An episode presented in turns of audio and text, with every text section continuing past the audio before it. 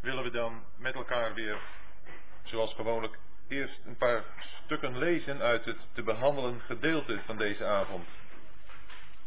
En dat betreft dus Nehemia 8 tot en met 10. We beginnen te lezen bij Nehemia 8, het eerste vers.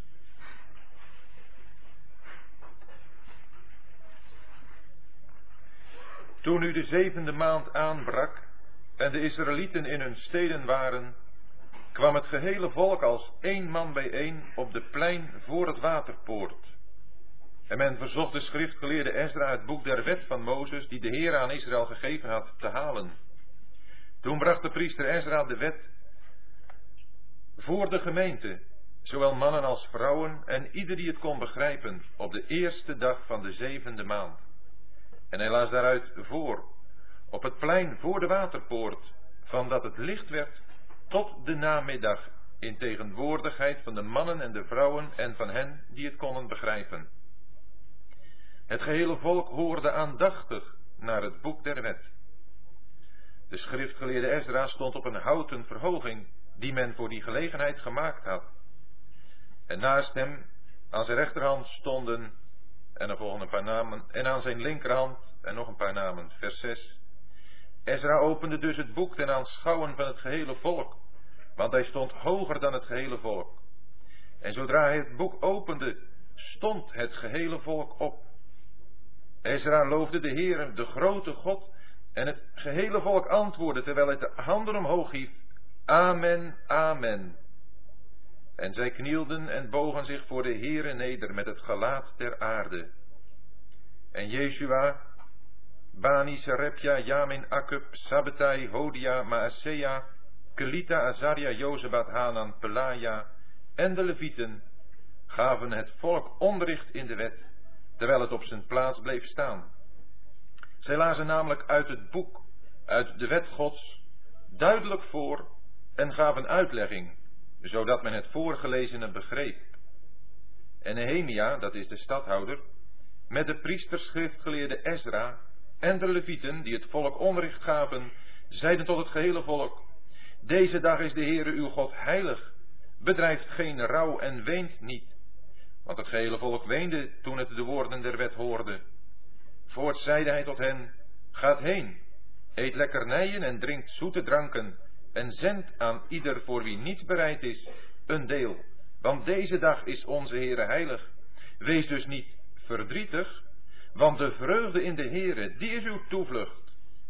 Ook de levieten brachten het gehele volk tot kalmte door te zeggen, wees stil, want deze dag is heilig, wees dus niet verdrietig. Toen ging het gehele volk heen om te eten en te drinken en een deel ervan te zenden en grote vreugde te bedrijven, want ze hadden begrepen wat men hun bekend gemaakt had. En op de tweede dag kwamen de familiehoofden van het gehele volk, de priesters en de levieten, bij de schriftgeleerde Ezra bijeen, en wel om de woorden der wet te onderzoeken. Toen vonden ze in de, in de wet, die de Heere door de dienst van Mozes gegeven had, geschreven dat de Israëlieten op het feest in de zevende maand in loofhutten zouden wonen en dat ze een bevel zouden uitvaardigen en laten omroepen in al hun steden en in Jeruzalem van deze inhoud, trekt uit naar het gebergte en brengt het loof van de olijfboom, van de olijfwillig, van de mirt, van palmen, van olijf, van loofbomen, om loofhutten te maken zoals geschreven staat. Het volk trok uit en zij haalden het loof en maakten zich loofhutten, ieder op zijn dak en in hun hoven en in de voorhoven van het huis Gods en op het plein van de waterpoort en op het plein van de Ephraimpoort. De gehele gemeente van hen die uit de ballingschap waren teruggekeerd, maakte loofhutten en woonde in de loofhutten. Zo hadden de Israëlieten niet gedaan sinds de dagen van Jozua, de zoon van Nun, tot op die dag. Er heerste dus zeer grote vreugde. Uit het boek der wet Gods las men elke dag voor, van de eerste tot de laatste dag. Ze vierden zeven dagen feest en op de achtste dag was er een feestelijke vergadering volgens het voorschrift. Op de 24ste dag nu van deze maand kwamen de Israëlieten bijeen, vastende en in rouwgewaad en met aarde op het hoofd. De nakomelingen van Israël scheiden zich af van alle vreemdelingen en ze stelden zich op en deden beleidenis van hun zonden en van de ongerechtigheden hunner vaderen. Toen zij op hun plaats waren gaan staan, las men voor uit het boek der wet van de Heere hun God een vierde deel van de dag. En een ander vierde deel deden zij beleidenis en bogen zich neer voor de Heere hun God. En dan lezen we Nehemia 9 vers 32 het slot van de beleidenis. Nu dan, onze God, gij grote, sterke en geduchte God, die vasthoudt aan het verbond en de goede tierenheid. Laat in uw ogen niet gering zijn al de moeite die ons getroffen heeft. Onze koningen, onze oversten, onze priesters, onze profeten, onze vaderen en uw gehele volk, van de dagen der koningen van Assur af tot op de huidige dag. Maar gij hebt het recht aan uw zijde in alles wat ons overkomen is. Want gij hebt trouw betoond, doch wij hebben goddeloos gehandeld. Onze koningen, onze oversten, onze priesters en onze vaderen hebben uw wet niet onderhouden en geen acht geslagen op uw geboden en op de vermaningen die gij tot hen hebt gericht. Zij hebben, trots hun koninkrijk en trots de grote weldaden die gij hun gegeven had, en trots het ruime en vette land dat gij hun ter beschikking gesteld had, u niet gediend, noch zich bekeerd van hun boze daden. Zie, wij zijn heden slaven, en het land dat gij aan onze vaderen gegeven had, om de vrucht en het goede daarvan te eten, te genieten, zie, wij zijn daarin slaven. Het geeft zijn rijke opbrengst aan de koningen die gij over ons gesteld hebt, wegens onze zonden, en zij heersen over ons lichaam en over ons vee naar hun welgevallen. Daarom zijn wij in grote benauwdheid. Op grond van dit alles sluiten wij een vast verbond en stellen het op schrift. En onze oversten, onze levieten en onze priesters zetten hun zegel eronder. Tot zover. We zijn met de overdenking van het boek Nehemia op een bijzonder belangrijk punt aangekomen. En wel, zoals in de uitnodiging stond, zoals ook in ons gebed gezegd hebben, en ook zoals we nu gelezen hebben, waar het heel duidelijk in naar voren kwam. Het woord van God. De plaats die dat heeft bij dit teruggekeerde overblijfsel. En het is opmerkelijk hoe dit gedeelte, Ezra 8 tot en met 10, eigenlijk één geheel vormt met elkaar. De inhoud daarvan is het woord van God. En de indruk, de overweldigende indruk die dit woord heeft gemaakt op dit overblijfsel. Hoe zij er doorgekomen zijn tot oprechte beleidenis, tot een wegdoen van het verkeerde, tot gehoorzaamheid aan dat woord. En hoe zij er, zoals we dat in hoofdstuk 10 zien, toegekomen zijn om ook zich positief op te stellen en alles aan de Heere toe te wijden en het bijzonder aan zijn huis, wat zij in de gewilligheid van hun harten op dat ogenblik voor de Heere wensten te doen, onder de invloed van dat woord. Het is een opmerkelijk begin. Het is de eerste van de zevende maand. We hebben dat een keer eerder gehad. En wel in het boek Ezra. Daar was ook zo'n markant tijdstip. Ook de zevende maand. En daar betrof het de oprichting van het altaar. En we hebben erover nagedacht dat het daar met name ging om het herstel van de eredienst. Hoe dat teruggekeerde overblijfsel, aangekomen in Jeruzalem, als eerste in hun hart gegeven werd om voor de Heer dat altaar op te richten en daarop brandoffers aan de Heer op te offeren, om daarmee Hem te aanbidden, om daarmee Hem hun dankbaarheid te tonen en te vertellen, in beeld natuurlijk, maar hoe groot de Heer Jezus is. En hier hebben we weer eenmaal die eerste van de zevende maand. Wanneer we Leviticus 23 bekijken, dan zien we hoe we daar zeven feesten beschreven vinden. Zeven feesten die op een, een opeenvolgende wijze Gods handelen met zijn volk en met de geschiedenis van de christenheid ook beschrijven. En hoe daar ook gesproken wordt van een eerste dag van de zevende maand. Het is daar het vierde feest. En daar wordt gesproken dat het is het feest van het geklank dat zal worden gehoord op de nieuwe maan. En dat stelt ons voor het herstel van het volk Israël. Een nieuw begin. En dat nieuwe begin, dat vinden we ook hier. Wanneer zij teruggekeerd zijn in hun land. Wanneer daar het altaar is opgericht. Wanneer daar ook de tempel is gebouwd. Wanneer de muren daar zijn geplaatst rondom het altaar en de tempel, vinden we hier dat daar plaats is voor het woord van God. Ze hebben hun juiste plaats ingenomen. Ze zijn terug in het land. Ze hebben zich willen afzonderen van de ongerechtigheden om hen heen. Maar bovenal een bescherming willen plaatsen rondom die heilige plaats, die woonplaats van God. En nu, nu komen zij ertoe om zich als geheel, al het volk, als een enig man te verzamelen op de straat voor de waterpoort. En het initiatief gaat van hen uit. Zij zeiden tot Ezra dat hij het boek zou halen. Ezra, haal het boek. Het is heel illustratief waar dat gebeurt. De plein voor de waterpoort. Water dat spreekt in het woord van God, over het woord van God. De Heer Jezus zegt het tegen zijn discipelen in Johannes 15. Jullie zijn al rein om het woord dat ik tot u gesproken heb. En Paulus zegt dit in Efeze 5. Dat de Heer Jezus de gemeente reinigt door haar te wassen met de wassing des waters door het woord. En we weten dat. Wanneer wij het woord van God lezen, als we zo een dag van werken in deze wereld achter de rug hebben, dan weten we hoe dat woord van God zijn reinigend werk bij ons doet. Hoe wij daardoor dingen die er misschien in de loop van de dag gebeurd zijn, dingen die wij misschien gezien hebben en die onreinheid zijn, dingen die we gehoord hebben, hoe we door het lezen van het woord daarvan bevrijd worden. Dingen die zich in ons hebben vastgezet. Maar door het woord worden we rein. We zien door het lezen van de Bijbel wie de Heer Jezus is en hoe Hij hier op aarde zijn weg is gegaan.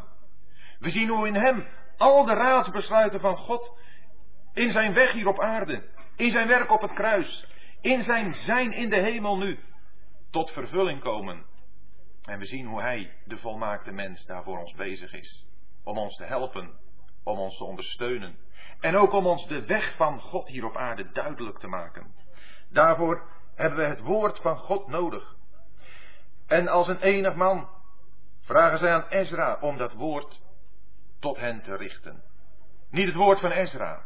O Ezra, daar hebben we een poos niets van gehoord. Maar wanneer hem gevraagd wordt te komen en het woord van God te spreken, om dat voor te lezen en om dat uit te leggen, dan komt Ezra. Dit is het boek van Nehemia. Dit is het boek van de praktische man. Maar het woord van God, wanneer dat zijn plaats weer krijgt, wordt Ezra erbij gehaald. En wordt het boek gegeven. Ze zijn allen daar bij elkaar. En wat is dat een belangrijke zaak? Dat ook wij bij elkaar komen om het woord van God te lezen en dat uitgelegd te horen krijgen. Dat is ook een reden om bij elkaar te komen.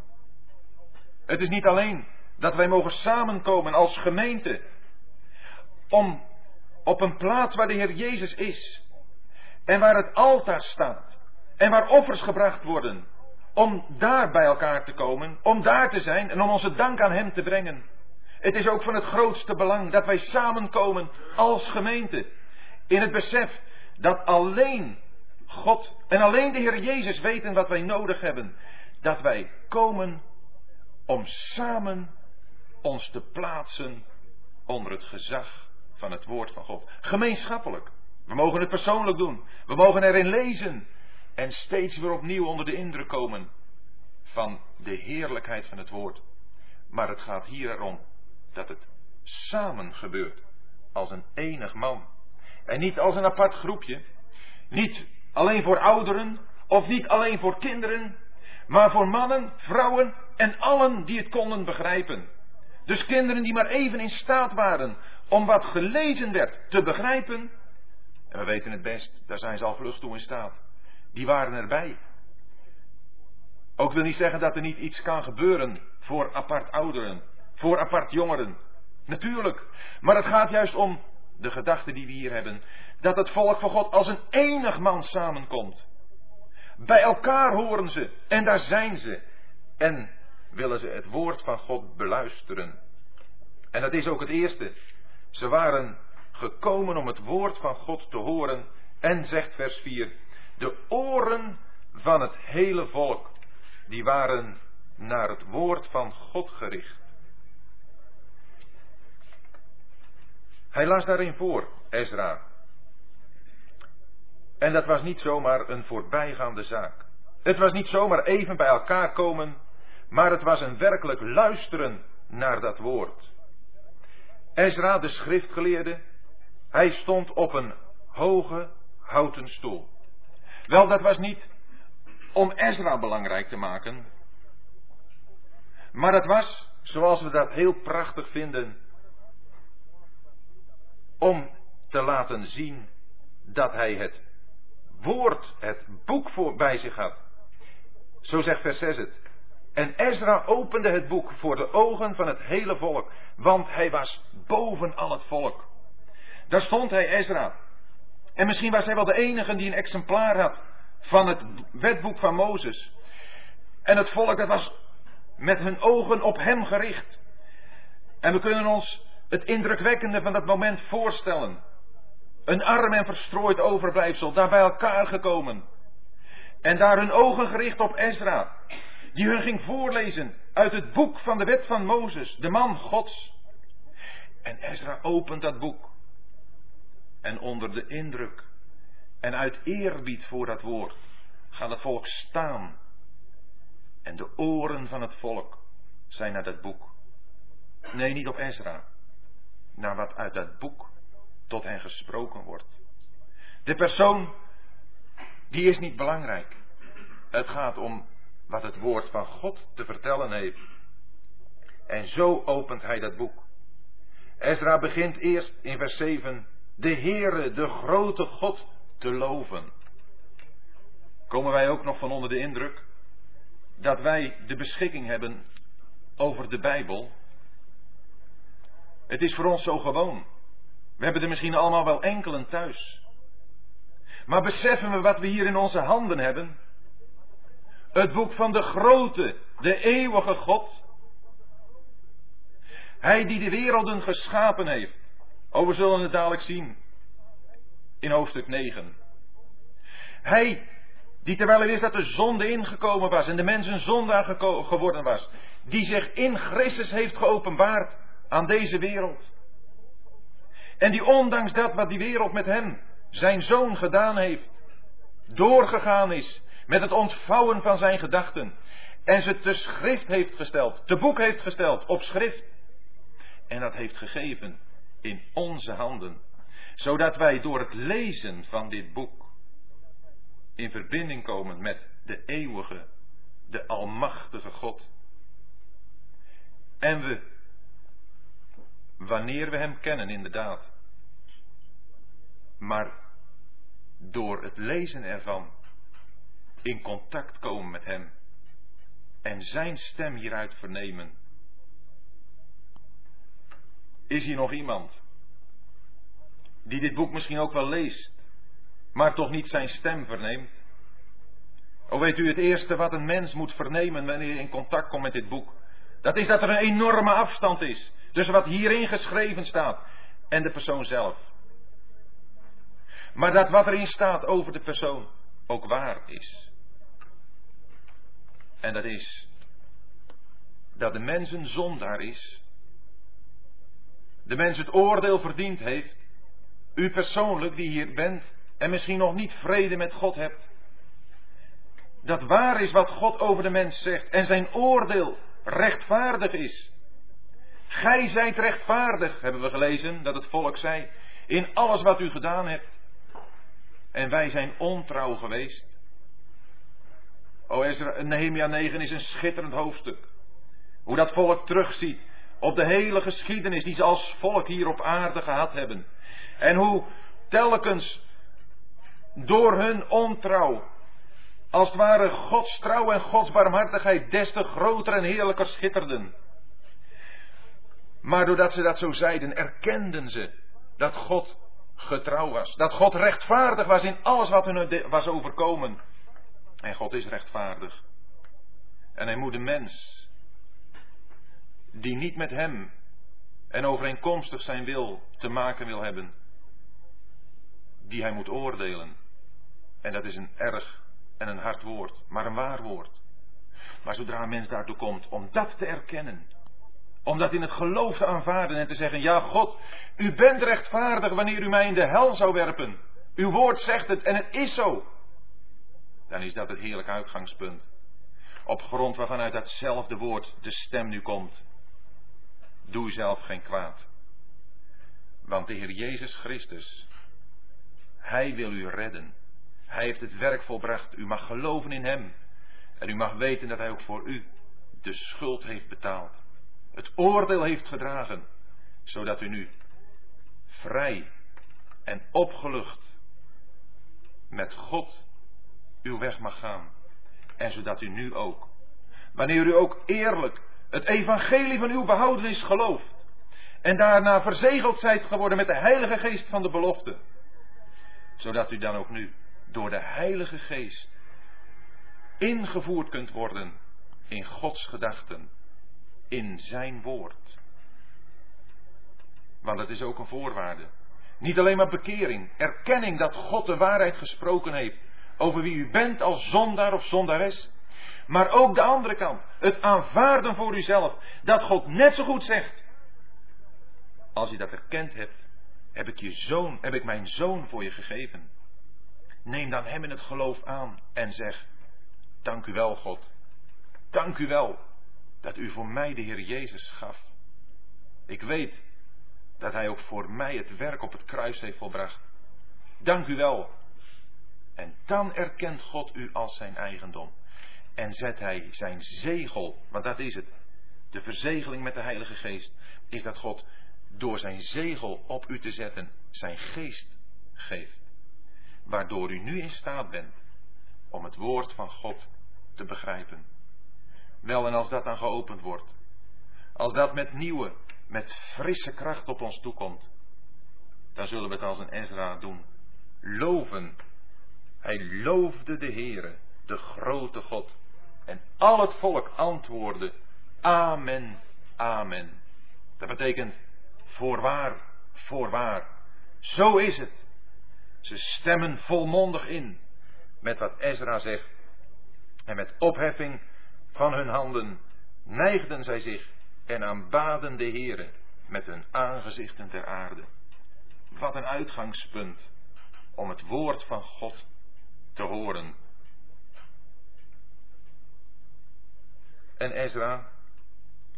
En zij die met hem waren, de Levieten, die onderwezen het volk, zegt vers 8. En vers 9 zegt, en ze lazen in het boek, in het, de wet van God, duidelijk. En de zin verklarende, zo maakten zij dat men het verstond in het lezen. Wat is dat een belangrijk woord? Dat wij lezen, voor onszelf ook, duidelijk dat we aandachtig lezen. En ook dat als voorgelezen wordt, dat duidelijk gebeurt. Het is het woord van God. En het zal maken dat we ook in het horen van het woord van God alleen al een geweldige zegen ontvangen, zonder dat er nog iets van gezegd is. Maar dan mag het ook uitgelegd worden. En dat is de dienst van de Levieten. De Levieten waren speciaal door God gegeven, zo vinden we dat in het boek Numeri, om de priesters te helpen. Zij waren in de eerste plaats toegevoegd aan Aaron. En in de tweede plaats aan Aaron en zijn zonen. Aaron een type van de Heer Jezus. Wel, dat was het allereerste. De Levieten, zij stonden onder rechtstreeks gezag van Aaron. Zo staan de Levieten, de dienstknechten van God, ook nu onder rechtstreeks gezag van de Heer Jezus. Maar ze waren ook gegeven aan de zonen van Aaron. Wel, en dat is de priesterlijke familie. De Levieten, zij waren ertoe gegeven om de priesters te helpen bij hun taak. En de taak van de priesters is het brengen van offers. En deze Levieten, ook zoals we dat nu mogen vertalen naar deze tijd, zijn dus die gelovigen die mogen helpen om anderen, ook gelovigen, betere priesters te maken, zodat zij in wat zij lezen over de Heer Jezus in hun harten een antwoord zullen hebben, wat opstijgt naar God in dankbaarheid. Zo hebben deze levieten dat hier gedaan. Ja, deze levieten hebben het woord onderwezen. En ze hebben gezegd tegen het volk, zegt vers 10, dat deze dag de Heere heilig was. Deze dag was de Heere heilig. Want het volk had er ook uitgehoord dat zij in de afgelopen tijd, in de geschiedenis als volk, het verkorven hadden. En daarom weenden zij. Want al het volk weende als zij de woorden der wet hoorden. Dat is de eerste uitwerking inderdaad die het woord heeft. Als het gaat om onze verantwoordelijkheid, zal het eerste wat het woord doet zijn ons te brengen tot verootmoediging, tot een wenen, tot een zien van onze ontrouw. Dat is altijd het eerste wat het woord doet. Zo vinden we het ook als de Heer Jezus bijvoorbeeld spreekt over de gelijkenissen in Matthäus 13. En hij spreekt over dat zaad dat gegooid wordt op verschillende plaatsen. En een van die plaatsen dat is dat het terstond met vreugde opschiet. Wel, als het woord van God tot ons komt en ons aanspreekt in onze verantwoordelijkheid, dan kan dat niet iets zijn waar we direct van gaan juichen. Maar dat zal altijd iets zijn waardoor we tot inkeer komen. Waardoor we op onszelf worden gewezen. Waardoor we onder de indruk komen van ons falen. En zoals dat woord, wat gezaaid was, opschoot. Zo was het ook in een ogenblik toen de verdrukking kwam, weg. Want het had geen diepe aarde. Hier bewerkte het iets. Maar gelukkig, juist omdat het woord weer zijn nieuwe plaats krijgt, wordt door de Levieten gezegd dat zij geen rouw moesten bedrijven. Want het was een dag de Heere heilig. Het woord had weer zijn plaats gekregen. En daarom werd gezegd in vers 11, gaat heen, eet lekkernijen en drinkt zoete dranken en zend delen aan degenen die niets hebben. Wanneer het woord van God weer tot ons komt, dan zullen we dat gaan smaken. Petrus zegt het in zijn brief. Smaakt en ziet dat de Heere goed is. Proeven wij het? Hebben we geestelijke smaak voor het woord van God? Dat daarin lekkernijen te vinden zijn? Lekkernijen, dat wat ons smaakt, wat onze zielen spijzen geeft, wat ons verkwikking schenkt, waardoor we kracht krijgen voor onze weg hier op aarde. En zoete drank. Vreugde. Vreugde zit daarin. Wanneer wij ons met het woord van God bezighouden. Want daarin zullen we altijd iets vinden over de Heer Jezus. Van Hem mogen we genieten. Met Hem mogen wij ons voeden. Aan Hem mogen wij ons laven. Hij is de enige bij wie we dat kunnen vinden. En dan zend delen aan degenen die niets hebben. Dan zijn er nog zoveel mensen die niets hebben. En kunnen wij, kunnen wij daarvan uit gaan delen? De Heer Jezus heeft gezegd, als iemand dorst heeft, hij komen tot mij en drinken, in Johannes 7. En stromen van levend water zullen uit zijn binnenste uitvloeien. Dat is altijd het resultaat. Wanneer we naar de Heer Jezus toegaan, om door Hem gevoed en door Hem verkwikt gelaafd te worden, dan zal dat ook een uitwerking hebben naar anderen toe. Hier wordt het ons gezegd als een opdracht. Zend ook delen aan degenen die iets hebben. En we denken aan de verwarring. We denken aan de grote verwarring waarin we leven. En we denken eraan dat we misschien iets mogen zien, iets mogen proeven van het heerlijke van het woord van God. En hoe dat ons vreugde schenkt, verkwikking bereidt. Zouden we dan zo egoïstisch zijn om dat voor onszelf te houden? Zouden we dan ook niet uit willen delen? Waar het hart vol van is, daar loopt de mond van over. En dan zullen we anderen in die verkwikking kunnen laten delen. Zo wilde Ezra en de zijnen dat het zou gaan onder het volk. Deze dag is onze Heere heilig. Heilig betekent dat dat afgezonderd is van de andere dagen. Dit is een speciale dag en die behoort de Heere toe. De eerste uiting ervan zal zijn de Heere te prijzen. Daarom bedroeft u niet, want in de vreugde in de Heere is uw toevlucht. Blij zijn, dat is iets geweldigs. Maar het is niet een extase. Dat is niet iets van een ogenblik. Wanneer het een vreugde is in de Heere, wanneer we in Hem onze vreugde vinden, dan zullen we daar ook kracht in vinden. Zo vinden we het in een andere vertaling. Die is uw sterkte. De blijdschap des Heeren, die is uw sterkte. Dat is een toevlucht, een beschutting tegen de omstandigheden van dit leven. Iemand die blij is, blij in de Heer. Niet dus maar een blijdschap van in de dingen van de wereld, want dat is zo voorbijgaand. Maar een blijdschap in de Heer. Zoals Paulus erover schrijft bijvoorbeeld in de brief aan de Filippenzen. Een brief waarin hij een grote moeite is, waarin hij in de gevangenis zich bevindt. Deze brief is een brief die uitbarst van blijdschap. Waarom? Omdat zijn blijdschap zich in de Heere was. Zijn blijdschap was in de Heere. Daarom kon hij, ondanks de bedroevende omstandigheden waarin hij zich bevond, zich toch verblijden in de Heere. En kon hij het zeggen, verblijd u in de Heere te allen tijden. Nogmaals zeg ik u, verblijd u. Want dat is je toevlucht, dat is je sterkte. Daardoor voorkom je dat je aan de omstandigheden ten onder gaat. Het is niet voor niets dat ook in andere brieven staat. Steeds weer, wees dankbaar. O, die geest van dankbaarheid. Dat is een geest die ontbreekt in deze wereld. Daar is de mens ondankbaar. En altijd maar meer, uit op meer. Meer. Maar een christen, iemand die de Heer Jezus kent, die mag dankbaar, die mag blij zijn. En die blijdschap mag zijn oorsprong, zijn bron vinden in de Heere.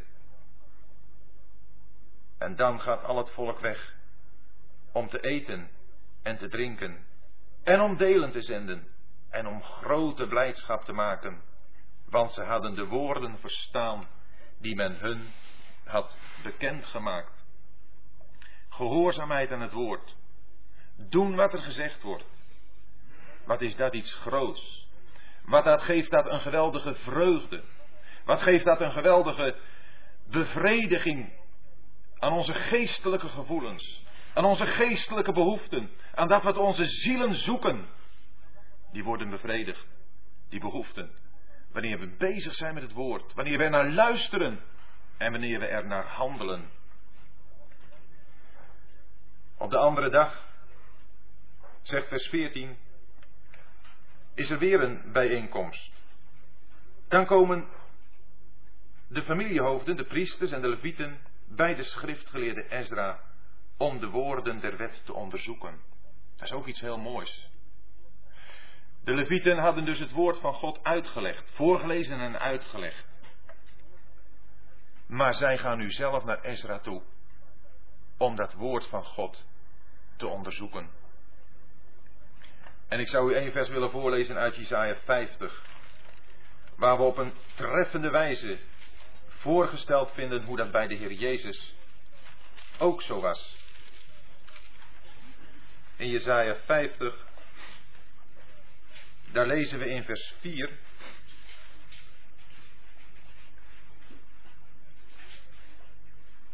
De Heere Heere heeft mij als een leerling leren spreken, om met het woord de moeder te kunnen ondersteunen. Hij wekt elke morgen hij wekt mij het oor, opdat ik horen zoals leerlingen doen. De Heer Jezus, Hij heeft op een volmaakte wijze de Levietendienst verricht. Hij is altijd bezig geweest om dat woord van God te spreken tot anderen. Maar hoe kwam dat? Hoe kwam het dat hij op zo'n hele speciale wijze kon spreken met die Samaritaanse vrouw, daar in Johannes 4? een vermoeide ziel, een moede. Iemand die het leven zat was en niet gevonden had wat ze erin had willen vinden. En dan, dan kruist haar weg de weg van de Heer Jezus. En de Heer Jezus zit bij die bron van Jacob en daar komt die vrouw. En daar gaat een gesprek beginnen. Een gesprek van zo'n rijke en heerlijke inhoud. Maar waarvan het resultaat is dat die vrouw die daar gekomen was met haar watervat, het watervat verlaat en gaat naar de stad en zegt: Komt, ziet een mens die mij alles gezegd heeft wat ik heb gedaan. En zij vindt haar heiland. Deze is de heiland der wereld. O, de Heer Jezus heeft tot haar hart gesproken. Hij heeft tot haar geweten gesproken. Hij heeft er geraakt als profeet. Ik zie dat u een profeet bent. Hij wist hoe het met deze vrouw was.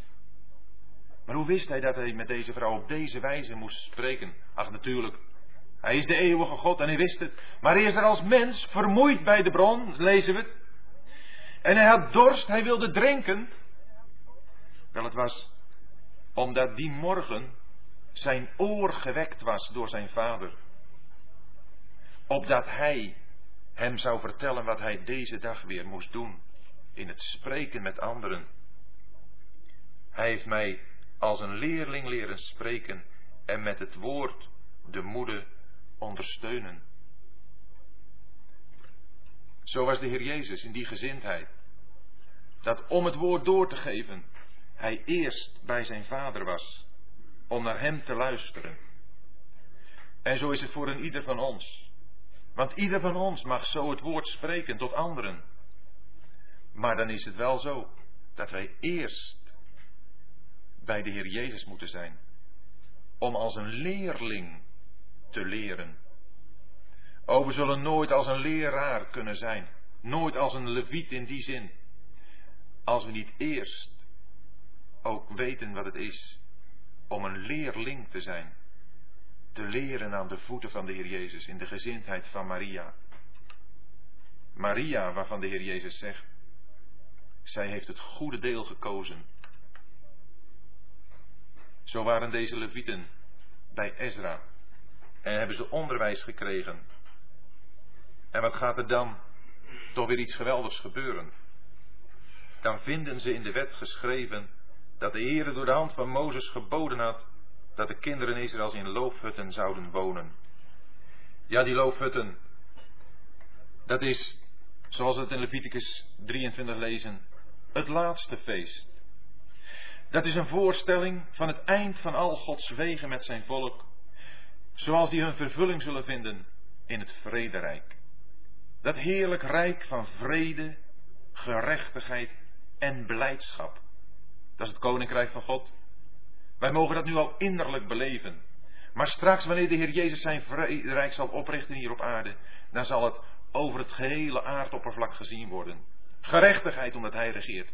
Vrede omdat Hij regeert. Beleidschap als een gevolg van Zijn regering. Dat loofhuttenfeest, dat moest gevierd worden. Daarbij werd teruggedacht aan Egypte, hoe ze daar woonden. Maar er werd genoten van wat God hen toen gegeven had. En dat vonden ze geschreven in de wet van Mozes. En ook hoe ze het moesten vieren. En dan zien we dat daar gehoorzaamheid is in vers 17.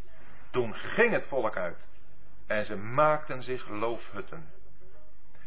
En dat loofhuttenfeest, dat was gevierd en wordt vergeleken met de dagen van Jozua, de zoon van Nun. Nou, dat is al heel lang geleden. Dat is wel duizend jaar geleden. We vinden nog meer van die vergelijkingen. We vinden tweemaal gesproken over het Pascha. Het Pascha, daarvan wordt geschreven in de dagen, ik meen van Josia of anders is het Hiskia, dat het niet gevierd was zoals in de dagen van Samuel in het ene geval. Dat was 500 jaar geleden. En in het andere geval was het niet gevierd als in de dagen van Salomo. Maar dit Loofhuttenfeest, om een parallel te vinden. in de wijze waarop het gevierd werd, worden al die glorierijke tijden overgeslagen. En wordt in het verleden alleen maar een gelijkenis gevonden in de dagen van Jozua, toen ze pas het land waren binnengekomen. En ze hebben niet gezegd, maar wat is dat nou? Zouden al die grote mannen, zouden die het dan allemaal verkeerd gedaan hebben? Zouden we ons er maar niet bij houden zoals zij het gedaan hebben? Ze hebben gelezen in het woord. En ze hebben gezien hoe het moest. En ze hebben het zo gedaan. Eenvoudig gehoorzaam. Niet redenerend. O, het woord van God heeft altijd zijn plaats in tijden van opwekking. Zoals gezegd bij een Hiskia, bij een Josia. En dan vind je nieuwe dingen. Daar komt met nieuwe kracht naar voren. Wat altijd al in de Bijbel gestaan had. Wat altijd al in die wet van Mozes gestaan had. Maar waar men eenvoudig blind voor geweest was. Blind door een eigen geestelijke toestand. En daarom er niet aan had beantwoord. Of omdat men helemaal niet meer in dat boek van de wet had gelezen om Gods gedachten te leren kennen. En is vandaag de dag ook niet vaak zo? Waarom is het zo dat zoveel waarheden van het woord van God niet gekend worden?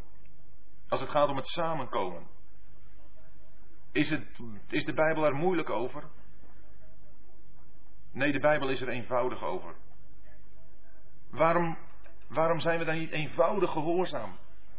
Eenvoudig doen wat er staat. Of gaan we ook redeneren? Maar hebben die en die dat dan allemaal verkeerd gedaan? Laten we lezen en eenvoudig doen. O, daarin ligt de volle zegen.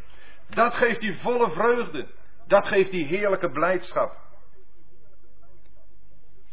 En zo hebben ze, zegt vers 19, gelezen dag bij dag. Dat was maar niet een impuls handelen. Het was een weloverwogen, volhardend bezig zijn met het woord van God en ze hebben het feest zeven dagen gehouden. En op de achtste dag hebben ze de verbodsdag gehad naar het recht. Zeven dagen. Dat is die omsloten periode, een geheel. En dat is, wat ons betreft, ons hele leven. Wij mogen dat loofhuttenfeest hebben. Ons hele leven door. We mogen die vrede, die gerechtigheid, die blijdschap elke dag genieten in het koninkrijk van God. We mogen daarin ons verheugen, omdat we daarin de man van God, de Heer Jezus, zien. En in Hem al de raadsbesluiten, de plannen van God. En als dat feest dan voorbij is, dan vinden we op de 24ste dag van de maand dat de kinderen Israëls zich verzamelen met vasten en met zakken en aarde was op hen. De feesten waren afgelopen, want de 23ste dag van de zevende maand Daarop was het besluit. Dat was die achtste dag van het Loofhuttenfeest. De 24e dag dus was een dag waarop het gewone leven weer zijn beslag zou kunnen gaan krijgen. En het is op deze dag dat de Israëlieten weer zich verzamelen, weer samenkomen. Maar dan om beleidenis te doen, zegt vers 2, van hun zonden en van de ongerechtigheden van hun vaderen. En dat zij, zegt vers 2 aan het begin, zich afscheiden van alle vreemden. Ja, want het is onmogelijk dat wanneer we zo weer onder de indruk zijn gekomen van het woord van God, wanneer wij zo weer dat woord in nieuwe kracht op ons hebben afzien komen, wanneer we de vreugde ervan weer hebben genoten, Wanneer we weer in gehoorzaamheid aan God die plaats die het woord van God ons aangeeft hebben ingenomen, dan zullen we ook zien dat de dingen die in ons leven er niet mee in overeenstemming zijn, worden weggedaan. De blijdschap des Heren is uw sterkte. Dat geeft kracht. Dat geeft kracht om ook te breken met de verkeerde dingen. Maar dan moet er wel beleidenis mee gepaard gaan. Erkenning. Eerlijk zeggen tegen de Heren. Ja, Heren, dit was niet goed. En dit deugt niet. En wilt u mij helpen om het weg te doen? Wilt u genade geven dat ik het wegdoe? En zo vinden we dat ook hier weer het woord van God, zegt vers 3, gelezen wordt. Het wetboek des Heren hun Gods, dat wordt een kwart van de dag gelezen. En op een ander kwart van de dag deden ze beleidenis en baden de Heren. We vinden een schitterend evenwicht. Het woord van God wordt gelezen. Een kwart van de dag. En een ander kwart van de dag wordt er beleidenis gedaan. En wordt er aangebeden. Wat zijn wij vlug? Wanneer een toespraak een klein beetje naar onze gedachten uit de hand loopt, dan gaan we al zitten schuifelen op onze stoel. En dan wordt het toch wel tijd dat we weer naar huis kunnen gaan. Want onze gedachten zijn ook al vaak weer thuis, want er zijn nog zoveel dingen te doen. Maar wanneer we onder de indruk zijn van het woord, dan doet tijd er niet meer toe. Ik bedoel helemaal niet te zeggen dat we niet onze verplichtingen hebben. Maar er kunnen van die ogenblikken, kunnen ook van die tijden zijn, dat het woord met zo'n kracht op ons afkomt, dat we alle gedachten aan tijd vergeten en dat dat woord op ons inwerkt en gelegenheid krijgt om door te werken, om zijn werk maar door te doen, zodat er een werkelijke reiniging, een werkelijke beleidenis, een werkelijk aanbidden ook van de Heer het gevolg van zal zijn. En in die beleidenis die dan volgt, vinden we op een heerlijke wijze de geschiedenis van het volk ontvouwd. In vers 5 van Nehemia 9 wordt eerst weer, zoals we dat ook zagen in Nehemia 8, de Heere geprezen. Prijs de Heere uw God van eeuwigheid tot eeuwigheid. Ja, men prijze uw heerlijke naam die verheven is boven alle lof en prijs. Daar gaat het vanuit. En dan, gij toch alleen zijt de Heere. Met wie is hij te vergelijken? Oh, we zouden Jezaja moeten gaan lezen. Om daar te zien hoe de Heer met niemand te vergelijken is. Gij alleen zijt de Heer. Geven we hem die plaats? Niet alleen maar in de beleidenis, in de orthodoxe beleidenis, in de erkenning van inderdaad, het is zo, maar in de werkelijkheid van ons hart.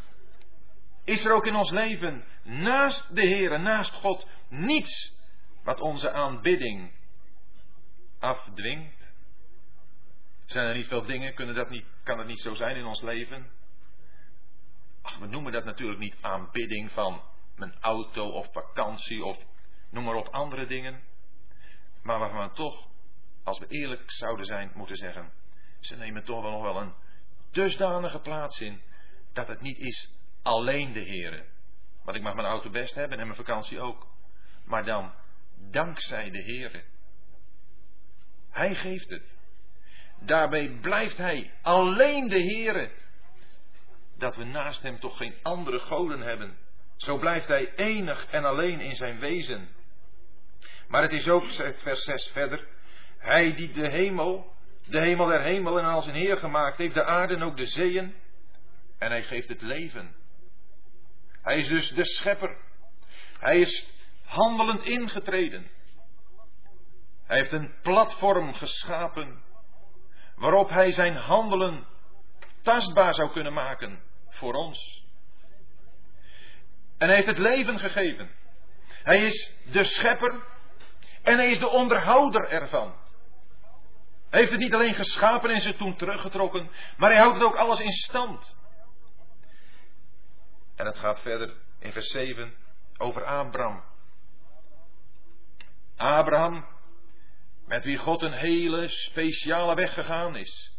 Toen het volk, in, toen de mensheid in afgoderij vervallen was, zo lezen we dat in Jozua, dat Abraham geroepen is uit een familie en uit een geslacht van afgodendienaars. Toen heeft God Abraham eruit geroepen om met deze man iets heel speciaals te beginnen. Om met deze man zijn plannen die hij had vanaf de grondlegging van de wereld ten uitvoer te brengen. Om uit deze man een volk te bouwen, waarvan het zaad zou zijn als de sterren van de hemel en als het zand aan de oever van de zee. Hij heeft hem uit Ur der Galdeën geleid en hem de naam Abraham gegeven. Wel, en hij heeft hem beloofd. Hij heeft een verbond gesloten om hem het land van de Kanaanieten en die andere volkeren te geven aan zijn nageslacht. En zegt vers 8 aan het eind. En gij hebt uw woorden gestand gedaan, want gij zijt rechtvaardig. Abraham als de oorsprong van het volk Israël. In vers 9 zien we het volk in Egypte. Nadat God dus dat volk gebouwd had uit Abraham, Isaac en Jacob en zijn twaalf zonen, we kennen de geschiedenis, zijn ze in Egypte terechtgekomen. En God heeft daar hun ellende gezien. En heeft tekenen gedaan aan Farao, wonderen. En heeft dat volk eruit gevoerd. Oh, het zijn allemaal genade en gunstbewijzen van God.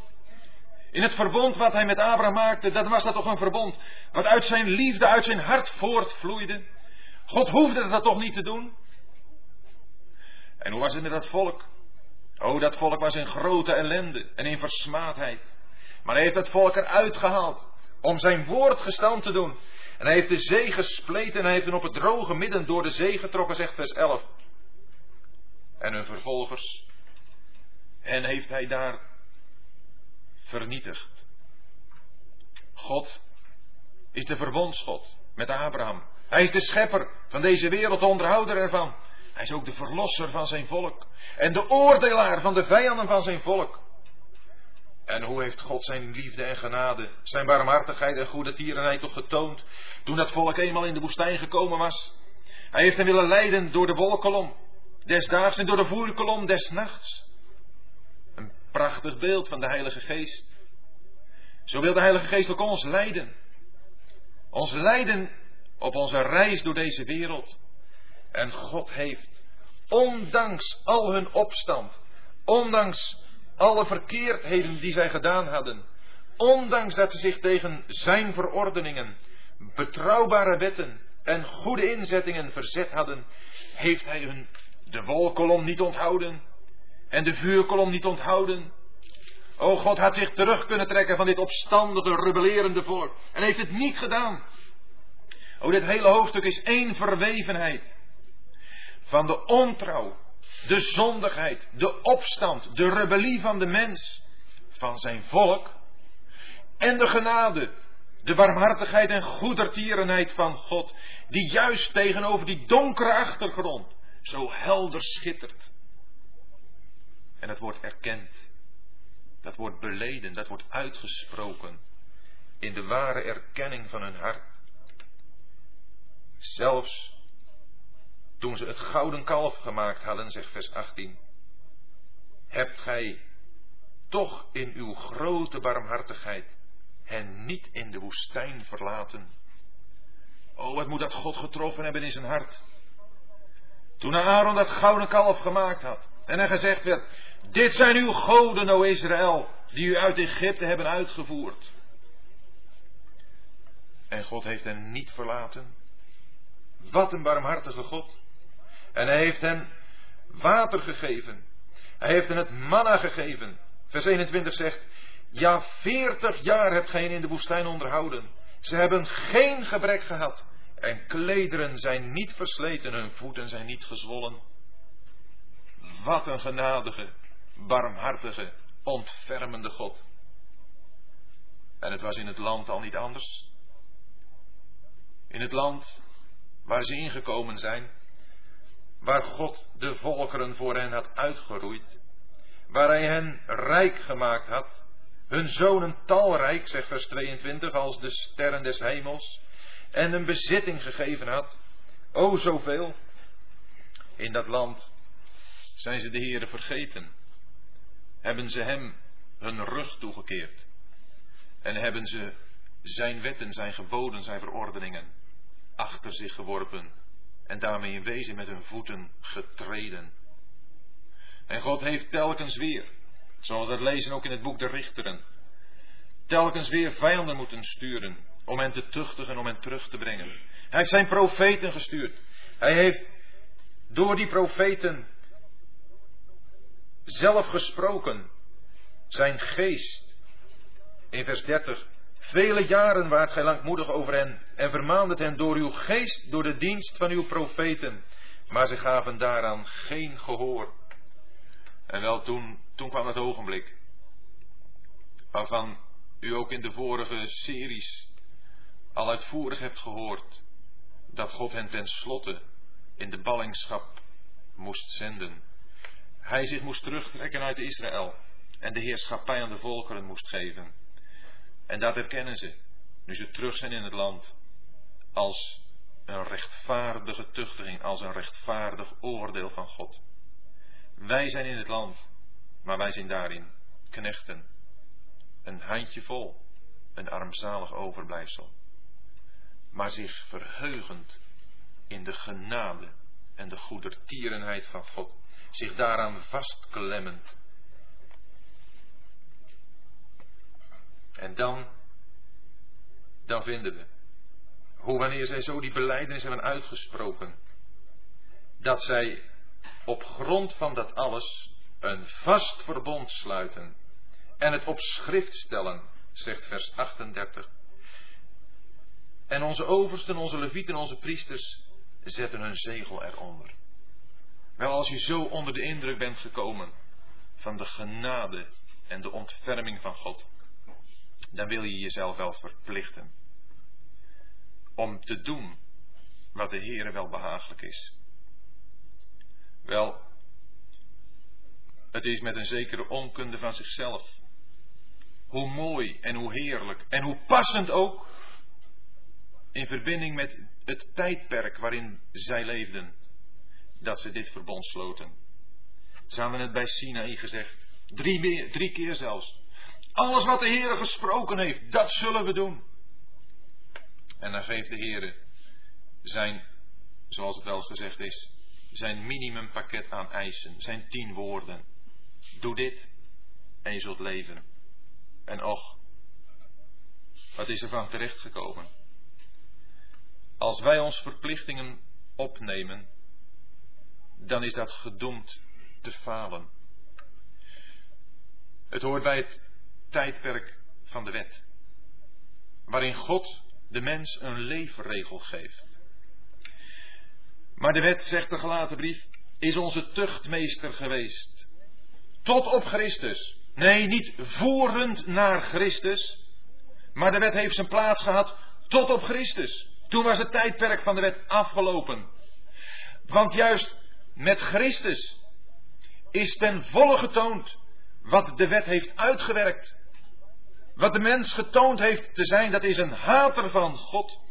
Iemand die onder het oordeel van God ligt wanneer hij aan zijn eigen verantwoordelijkheid wordt overgelaten. En iemand die er tenslotte toe komt om de Heer Jezus naar het kruis te brengen.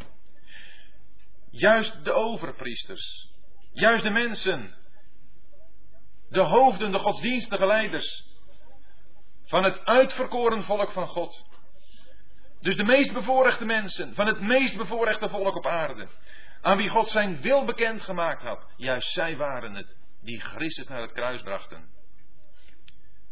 Omdat zodra wij aan onze verantwoordelijkheid worden overgelaten, wanneer wij erop aangesproken worden. En wij dat aanvaarden als, inderdaad, dat zullen we doen, dan zal moeten blijken dat wij het niet kunnen en dan zullen we moeten erkennen. Of we zullen het willen doen en dan ten koste van alles onszelf handhaven. En zo is het gebeurd met Israël, met de oversten van Israël. Zelfhandhaving. En toch, toch zit er in dit hoofdstuk 10 een schitterende gezindheid. En ik denk dat dat het is wat wij hiervan mogen leren. Niet dat wij een verbond gaan sluiten met de Heer. Oh, we kunnen wel, zoals in de handelingen het gezegd wordt, een voornemen van ons hart hebben om bij de Heere te blijven. Maar we zullen tegelijkertijd het gebed bij hebben, Heere, help mij om bij U te blijven. Hou mij dicht bij U. Oh, ik verlang er naar om dicht bij U te zijn en om voor U te leven. Maar wilt U mij dicht bij U houden? Maar wanneer die gezindheid in ons is, dan zal toch ook wat we in hoofdstuk 10 hebben bij ons gevonden worden. En dat is dat daar verschillende dingen in tot uiting komen. In de eerste plaats zegt vers 29 dat er in hun persoonlijke wandel getrouwheid wordt gevonden. Vers 29. Ze sloten zich aan bij hun broeders, hun voornaamsten, en verplichten zich onder zelfvervloeking en onder ede om te wandelen naar de wet van God, die door de dienst van Mozes, de knecht Gods, gegeven was. En om naastig te onderhouden al de geboden, verordeningen en inzettingen van de Heere onze Heere. Verder nemen zij verplichtingen op zich met betrekking tot de volkeren om hen heen, in vers 30. En ook in vers 31 willen zij zich verplichten om de Heere zijn tijden te houden. Om dus wat de Heere toekomt ook werkelijk te onderhouden. We lezen over in vers 31 over het zevende jaar. We lezen in vers 32 dat ze zich ook verder geboden opleggen. En dit zijn dan weer niet geboden die we vinden in de wet, maar geboden die of zij zichzelf opleggen in de gewilligheid van hun hart. Want zoals we dat bijvoorbeeld vinden in vers 34, dat zij ook loten werpen over het offer van het hout, om dat te brengen naar het huis van God. Dat vinden we nergens. Maar ze begrepen dat om het brandoffer brandend te houden, daar hout nodig was. En ze namen de verplichting op zich om dat hout te halen, daarin te voorzien. En hoe vaak vinden we hier niet in dit gedeelte dat zij de eerstelingen zullen geven, het eerstgeborene, van alles het eerste, telkens het eerste. En wat willen ze daarmee zeggen? Of dat nu de eerstgeborene van hun zonen of van hun vee is, of het eerst, de eerstelingen van de vruchten van het land, alles wat het eerste is, wordt aan God aangeboden. Vrijwillig. Dat willen ze graag. En daarmee wordt gezegd, Heere, dit is van u. Dat behoort u toe. Maar met het aanbieden van dat eerste, betekent dat dat ook alles wat daarna volgt van de Heere is. Dat is de erkenning ervan. Het eerste betekent het allerbeste, maar ook de rechten van God. Hij heeft zijn rechten. En niet alleen op dat eerste, maar ook op alles wat erachter volgt. En wat is dat een bijzonder mooie gezindheid.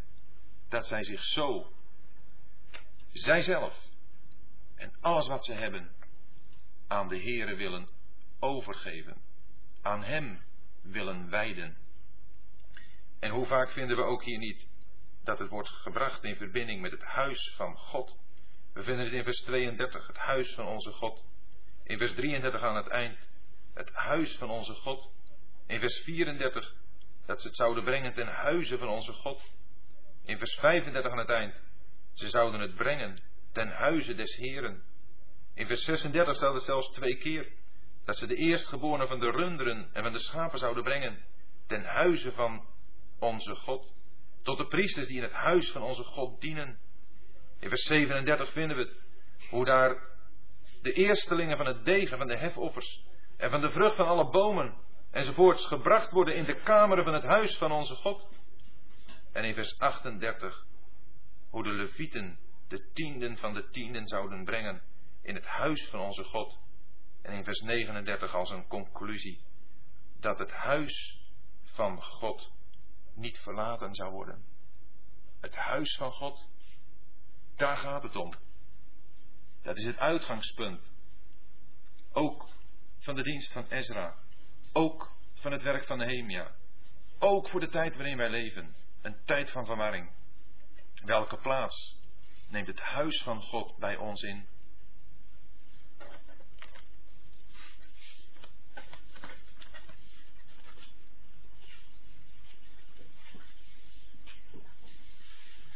Hoe komt het dat we dat in duizend jaar niet hebben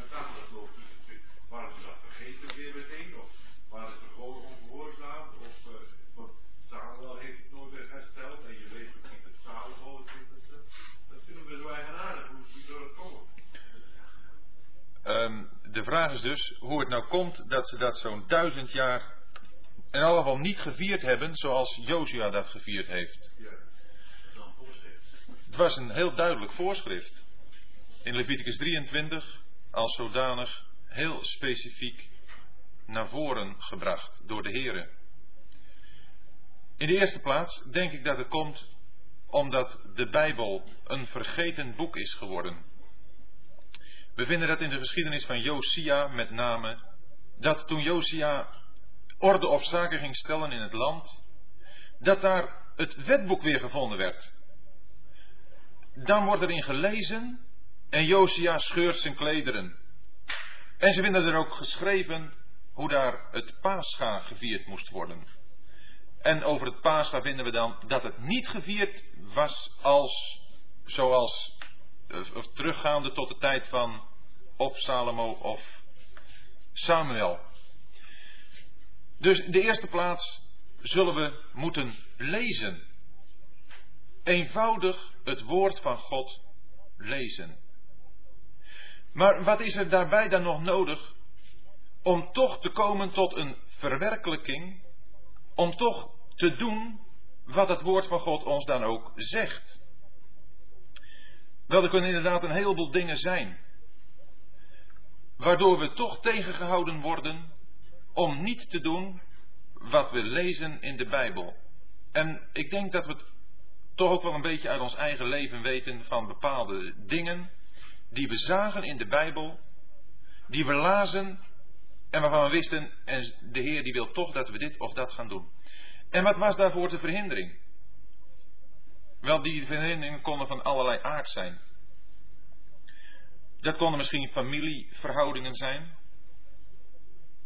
Dat kon ook misschien zijn omdat wij een vooroordeel hadden, omdat ons bepaalde dingen geleerd was, omdat van vader op zoon dingen steeds op een bepaalde gelijke wijze was gedaan, daarmee ook die bepaalde uitleg eraan gegeven was, en die dus voor ons op diezelfde wijze ook werd uitgelegd. Kijk, we kunnen de Bijbel ook met een verschillende bril oplezen. En nu bedoel ik wat de kleur betreft. Als je de Bijbel altijd met een blauwe bril gelezen hebt, dan zijn die letters allemaal blauw. Maar wanneer we die Bijbel lezen, onbevooroordeeld, zonder bril, dan denk ik dat er een heleboel dingen ineens voor ons anders worden. En nu bedoel ik dat voor ieder van ons persoonlijk, zoals we zijn. Het grootste gevaar bij het lezen van de Bijbel zit hem denk ik hierin. Dat wij al van tevoren ons oordeel klaar hebben over hoe de Bijbel gelezen moet worden. Want laten we er maar van uitgaan dat er toch ook in de tijd tussen Jozua en Nehemia velen de Bijbel gelezen hebben. En ook goed gelezen hebben. Maar waarom dan toch teruggaan helemaal naar Jozua om te zien dat het Loofhuttenfeest op een gelijke wijze als in Nehemia gevierd werd? Omdat er toch invloeden waren waardoor dat feest niet zijn glans kreeg zoals het in al zijn eenvoud geschreven stond in het boek Leviticus. Invloeden, ja, misschien wel een, zoals gezegd, een vooropgezette mening over het vieren van het feest, wat in de loop van de eeuwen steeds weer was afgezwakt, steeds minder tot zijn recht kwam, waar ook een David, waar ook misschien zelfs een Salomo aan meegedaan hebben. Maar we moeten nooit het verkeerde, ook niet wanneer het gaat om verzwakking, in het verkeerde mee gaan doen. Daarom is voor ons, voor u en voor mij, vandaag de oproep terug naar Gods woord. En ga het lezen alsof we het vandaag voor het eerst horen. Dat was de gezindheid van het volk. Durven u en ik alles overboord te zetten. Wat we meegekregen hebben. En u is eerlijk, zonder dat we dat laten meespelen in onze beoordeling als we het woord lezen. Eerlijk het woord van God lezen. Ik heb het van meerdere gehoord. die dat gedaan hebben. En vooral als in ons geestelijk leven een bepaalde ontwikkeling zich voltrekt, zal dat ogenblik komen. Dat we zeggen, en nu, nu wil ik even van alles af. Nu wil ik echt alleen eerlijk de Bijbel gaan lezen en de Bijbel tot me laten spreken. En dan zult u zien dat u eruit komt. Wanneer u het oprecht en eerlijk van de Heere verwacht. Want de Bijbel moet biddend gelezen worden. En zodra u weer gaat denken, ja maar zouden al die anderen het, allemaal verkeerd hebben, dan komen die invloeden alweer. Of wanneer u gaat zeggen, ja maar die, die, die kan toch zo schitterend spreken over de Heer Jezus, of die kan zo schitterend de waarheid van God uiteenzetten, dan zou u het alweer gaan verbinden met een persoon. Ga maar eens eerlijk voor uzelf zitten en lezen. En durf het maar eens aan dan om alles op de helling te zetten. Wat u tot nu toe gedaan hebt. Denk er ook maar goed over na voordat u dat doet, dat dat enorme consequenties zou hebben. Dat het misschien zoals het tot nu toe gegaan is, inderdaad niet volgens de Bijbel is. Niet volgens Gods gedachten. Bouw u dat maar rustig in, in uw overweging. En wanneer u dan toch toe komt om te gaan lezen, alsof u de Bijbel voor het eerst las, dan garandeer ik u dat het u duidelijk wordt wat de Heere wil en wat Hij altijd gewild heeft. Vanaf het ogenblik dat Hij de gemeente hier op aarde haar ontstaan heeft gegeven door het werk van de Heer Jezus en door het uitstorten van de Heilige Geest. Maar daar is moed voor nodig. Geestelijke moed. Daarvoor ga je in tegen je eigen gevoelens. Daarvoor ga je in misschien tegen gevoelens van voorouders. Tegen gevoelens van familie. Maar u zult zien wat een heerlijk resultaat dat geeft. Vreugde. Grote vreugde.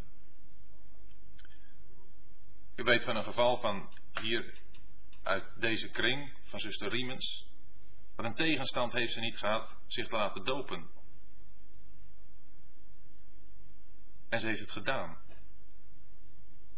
Omdat ze zag dat het in het woord van God stond. Tot voor enkele maanden heeft ze er niet aangewild, heeft ze zich er tegen verzet zelfs.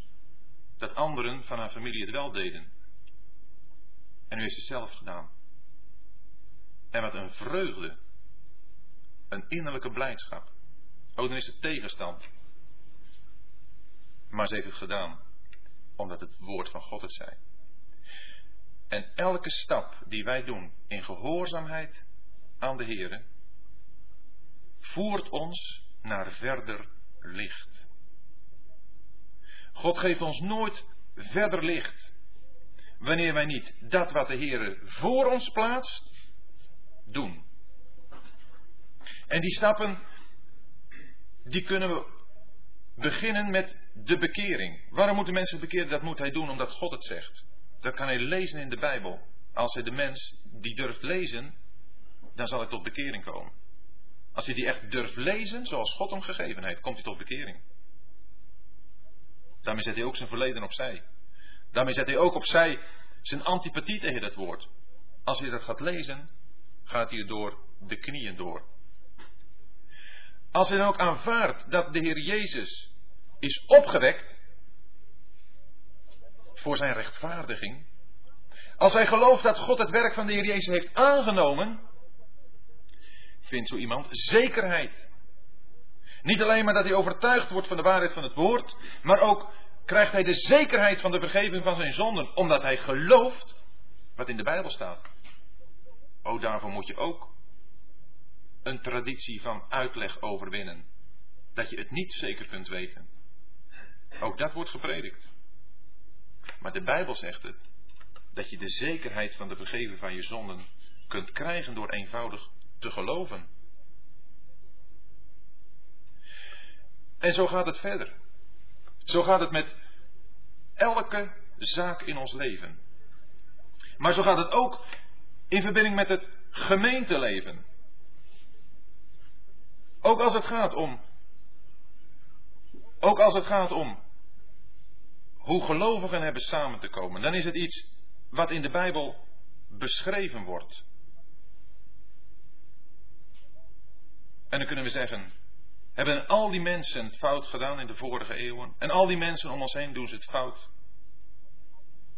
Wat wij mogen doen is lezen. En wanneer wij, zoals gezegd, al onze vooropgezette meningen een keer opzij willen zetten, dan zullen we ertoe komen om in de erkenning van wat God zegt ook te handelen naar wat God zegt. En dat is altijd de weg tot zegen. En vandaar ook dat deze die hier teruggegaan waren naar het land, gewoon in gehoorzaamheid aan de Heer, omdat ze verlangden te zijn waar de Heer was, omdat ze daar waren op die plaats waar ook het woord van God weer in zijn volle heerlijkheid zijn plaats kon krijgen. Dat Loofhuttenfeest konden ze niet vieren in Babel. Het was onmogelijk om daar te vieren. Voor de feesten des Heren moest je in Jeruzalem zijn. Dat was dus sowieso al een voorwaarde. Daarom moesten ze terug naar Jeruzalem. Maar ook zijnde in Jeruzalem moest het hart geoefend worden. En gaf de Heere daarbij die zegen die Hij ook nu wil geven. Wanneer onze harten geoefend worden voor Hem. En we eenvoudig de Bijbel, het woord van God willen lezen. Zoals Hij het ons geeft. En voor die eenvoud is een enorme genade nodig. Dat weet ik uit mijn eigen leven. En u weet het denk ik ook. Maar op die genade van God doen we nooit te vergeefs een beroep.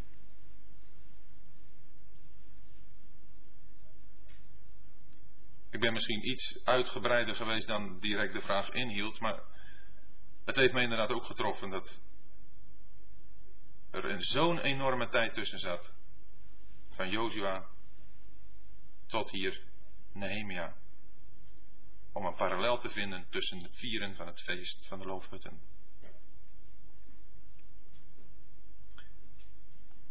Weet je misschien ook een aantal van de Joden wat terugkeren?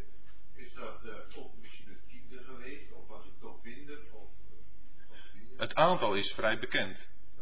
In bij de eerste terugkeer, tenminste onder Kores, toen is het een 42.000 man geweest. Daarbij kwamen er nog wat slaven en zo, en dat is misschien een 50.000 man geweest. Toen is er een tweede terugkeer geweest met Ezra, dat was weer wat minder, en onder Nehemia was, was hij het haast alleen.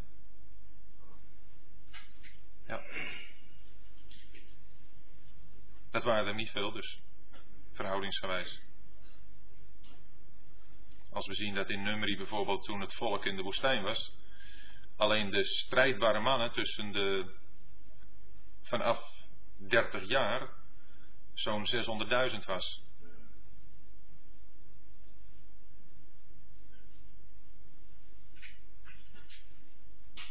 Ja, dat was een handjevol. Zijn er verder nog vragen?